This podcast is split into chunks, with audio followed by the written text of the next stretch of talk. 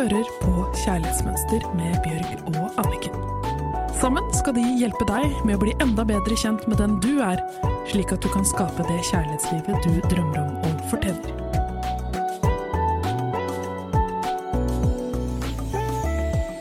Da er det en ny uke, og denne uken her har vi valgt brev fra en eh, innsender. Eh, Hvor eh, vi eh, hadde en heftig diskusjon her i sted. Hvor vi bare Er det mulig? Da hadde jeg endt opp som en stalker, osv. Dette her er innholdet i brevet. Dette er nesten som et mysterium. Det er en kvinne i 50-årene som har hatt det veldig tøft de siste to månedene. Grunnen til det er fordi at denne kvinnen trodde hun hadde møtt drømmemannen sin. Hun så for seg alderdommen, hun så for seg at de gikk hånd i hånd inn i alderdommens eh, solnedgang. Han var snill, raus og gavmild. Tenk deg så deilig å ha en mann som kommer hjem med roser og Men de bodde fra hverandre, som var jo litt trist, for da kunne de bare møtes i helger og utvida ferier og litt sånn. Men de snakket jo sammen om at det var et hus i byen der hvor hun bodde, som han skulle flytte inn i, og det skulle de innrede og pusse opp sammen. De så for seg en fremtid. Og den dagen han kom for å flytte til byen, så tikker det inn en SMS fra henne. Hva tror du hun føler da? Han kommer til byen? Nå begynner eventyret vårt. Vet du hva det sto på den SMS-en? Det sto The End. Vi passer ikke sammen. Og dette er noe som aldri har vært et tema i deres forhold. Aldri! Aldri, liksom! De har snakket om hvor godt de passa sammen, og plutselig tikker det inn en SMS og sier altså at de passer ikke sammen, og han vil at det skal være slutt. Og den dagen flytter han til byen. Da den dagen er det jo ikke et langdistanseforhold lenger. Og det største mysteriet av alt er han svarer ikke på SMS-er, svarer ikke på telefonen. Han har fortsatt husnøkkelen hennes. Han eh, har fortsatt eiendeler hjemme hos henne. Hører ikke en lyd. Nei, jeg bare tenker først og fremst dette er jo et sjokk. Det er både ubehagelig og helt uforståelig. Og jeg tenker dette er jo det verste du kan gjøre mot et annet menneske, å bare droppe det helt totalt uten forklaring. Jeg har eh, hørt sånne historier før. Det var eh, faktisk Da hadde hun fått en warning på forhånd at han hadde gjort det med andre kvinner. Han forlot henne alltid Han forlot sin kvinne, som han hadde giftet seg med. Det hadde han gjort tre ganger før. Etter en middag en dag så sa han takk for maten, og så gikk han. Etter det så hørte de aldri noe fra henne, og det visste hun som da giftet seg med han på nytt. Men du vet hvordan man føler det. Ja, jeg er noen spesiell, og jeg skal endre han, og Ja. Så gikk det noen år med henne også, og så reiste han seg opp etter middagen en dag og sa tusen takk for maten, og etter det så hørte hun ingenting fra Men ham. pleide han å si det hver dag? Det tror jeg han gjorde. Det var bare da var det siste gang han sa det. For ellers hadde jeg fått helt angst. Ja, nei, Men i hvert fall, det som er veldig forferdelig, er at du sitter der og du får ingen forklaring. Og hun som har sendt inn til oss, hun er nå helt frustrert. Og det er veldig vanskelig for oss å svare på hvorfor oppfører andre mennesker seg på den måten de gjør. Det kan vi ikke vite. Men det jeg vet, er at det eneste som hjelper mot dette, det er aksept. Selv om hvor vondt det er. Så det eneste som kan lindre, er bare at man begynner å akseptere virkeligheten akkurat som den er. For når man hele tiden lever i ringer han, håpet, hva kan jeg gjøre, hva har jeg gjort galt, så er det bare en evig ond sirkel av å ha det veldig vondt.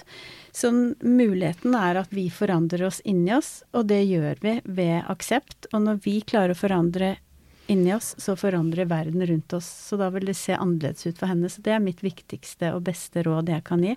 Det er å prøve å akseptere det så Ja, godt kan. det er veldig lett for deg å si at hun må lære seg å akseptere det sånn som det er, men du har jo helt sikkert en metode på hvordan man skal akseptere at ting er sånn som det er, for du er jo en veldig klok kvinne. Så du må har, Hva slags type redskaper kan du gi henne? Ja, det er det at man må enkelt begynne å sortere og rydde opp og skrive opp alle følelsene og tankene sine, og putte det der hvor det hører hjemme.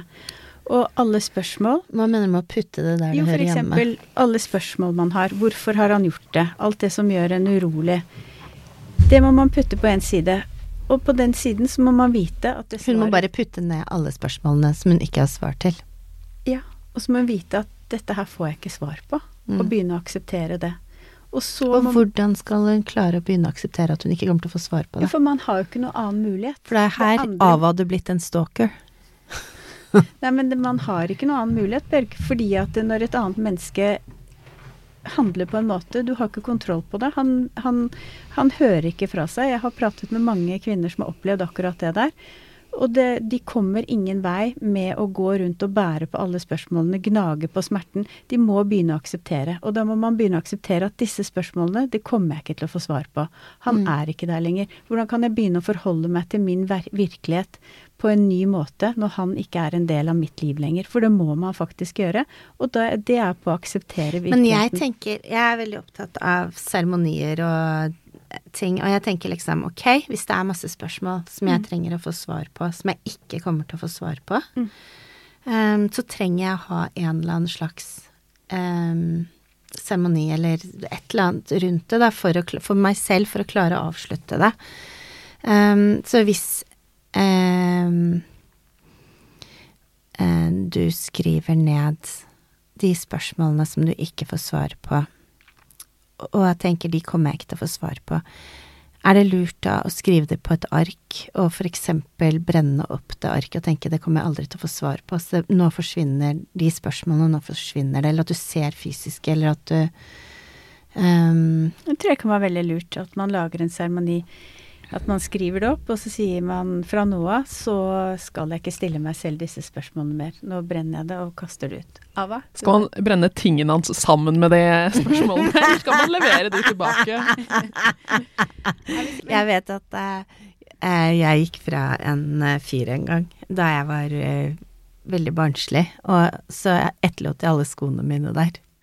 Og så fikk jeg ringte DHL på døren, og da hadde han kasta en av hver sko. Så han hadde kasta alle høyre skoene, så jeg fikk bare en eske full av venstre sko.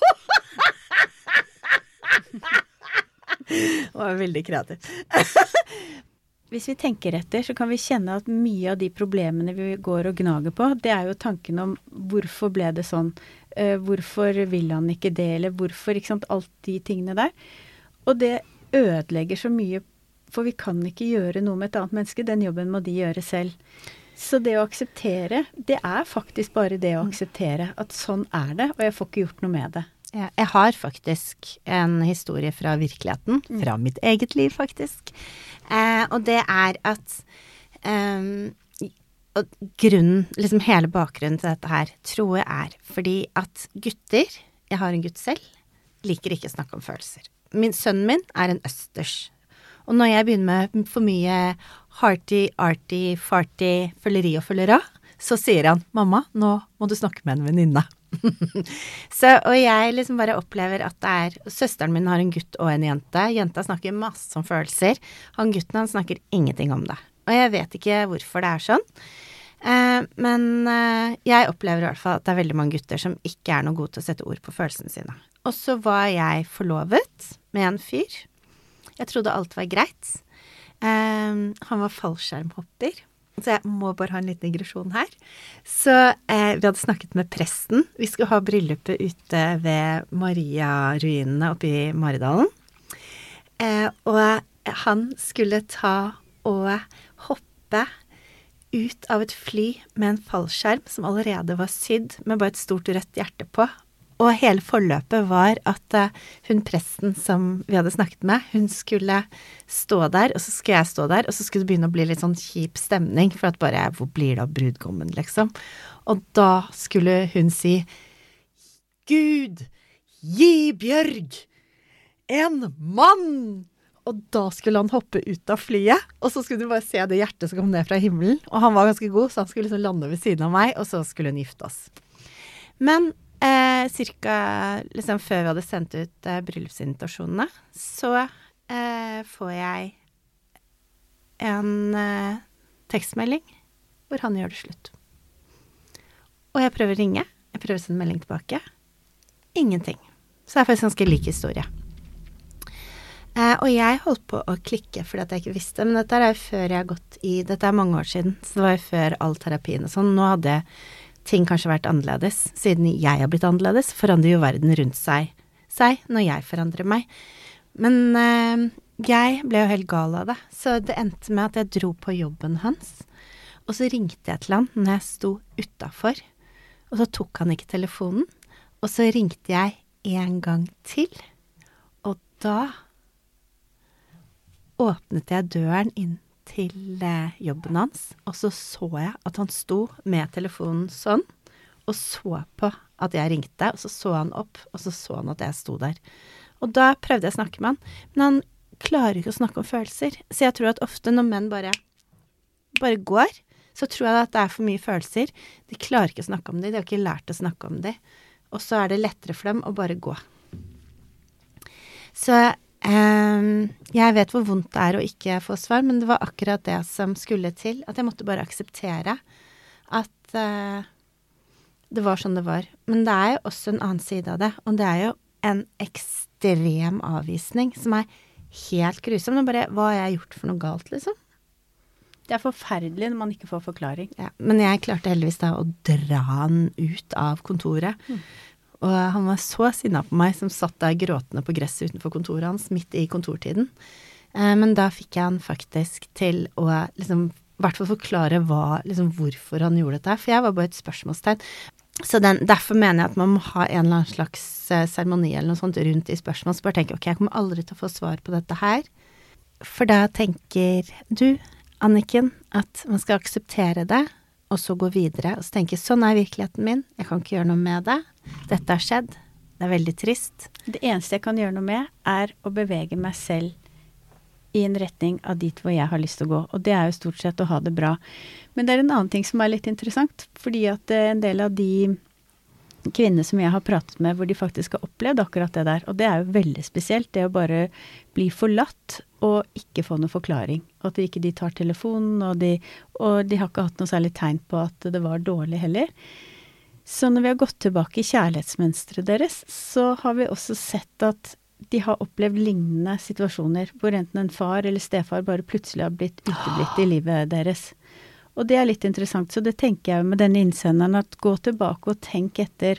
Har det skjedd lignende episoder i livet ditt? For det, det som er litt spesielt med dette kjærlighetsmønsteret vårt, det er jo at det tiltrekker nøyaktig den samme erfaringen inntil man har blitt bevisst og lært. Og da klarer man å slippe den følelsen, og da slutter man å tiltrekke seg den type opplevelser. Så jeg tenker når det er såpass sterkt, for det der er jo noe vi ønsker at ingen skal oppleve, å bli forlatt uten å få noen forklaring så er det viktig å, å, jobbe litt med sitt eget kjærlighetsmønster for å være sikker på at dette ikke ligger i ens eget mønster. For da kan det jo skje på en eller annen Ja, for da skjer det igjen, igjen og igjen. Akkurat. I en annen forkledning, selvfølgelig. Mm. Men det kan skje, og det er rystende vondt. For det er når du har et skrubbsår på benet, og det får gro, og du har på plaster, så går det greit. Men når man opplever å skrubbe opp det såret igjen og igjen, så gjør det så Åh, sinnssykt vondt. Ja. Så derfor så er det så viktig å finne ut Ligger denne erfaringen i mitt mønster? Og så handler det om å bearbeide det som skjedde den gangen da i mm. livet ditt, mm. og bli ferdig med det. Og det som er magisk da, er at når du har bearbeidet det den gangen tidligere i livet ditt, da skjer det magiske at da endres ditt kjærlighetsmønster, og så skjer det faktisk ikke igjen. Og da er vi fri! Og det er så fantastisk når vi kan bli fri i dette kjærlighetsmønsteret vårt. Ja! Og slippe å oppleve disse tingene igjen og igjen. Og bare begynne å oppleve gode, deilige kjærlighetsopplevelser akkurat som vi ønsker. Mm. Det er målet, og det er det vi skal gjøre. Ja, og, men det krever litt jobb, så ukens oppgave er Prøv å akseptere en situasjon eller relasjon akkurat sånn som den er nå. Kjenn etter i kroppen din hvordan du begynner å slippe når du klarer litt og litt å akseptere. For dette, dette her er så viktig. De fleste sliter så med så mye vonde følelser fordi de ikke klarer å akseptere en situasjon som de ikke får gjort noe med. Så bare kjenn på dette her med aksept, og det hjelper å øve litt hver dag. Det eneste vi kan forandre og jobbe på, det er oss selv. Om de ordene så vil vi takke for dagens episode, og at du hørte på. Og så ønsker vi deg en nydelig helg. Du hørte akkurat podkasten Kjærlighetsmønster. Denne podkasten er produsert av Livslyst og Motivasjon, og produsenten har vært Ava Serr. Hvis du vil lese mer om kjærlighetsmønster, gå inn på kjærlighetsmønster.no.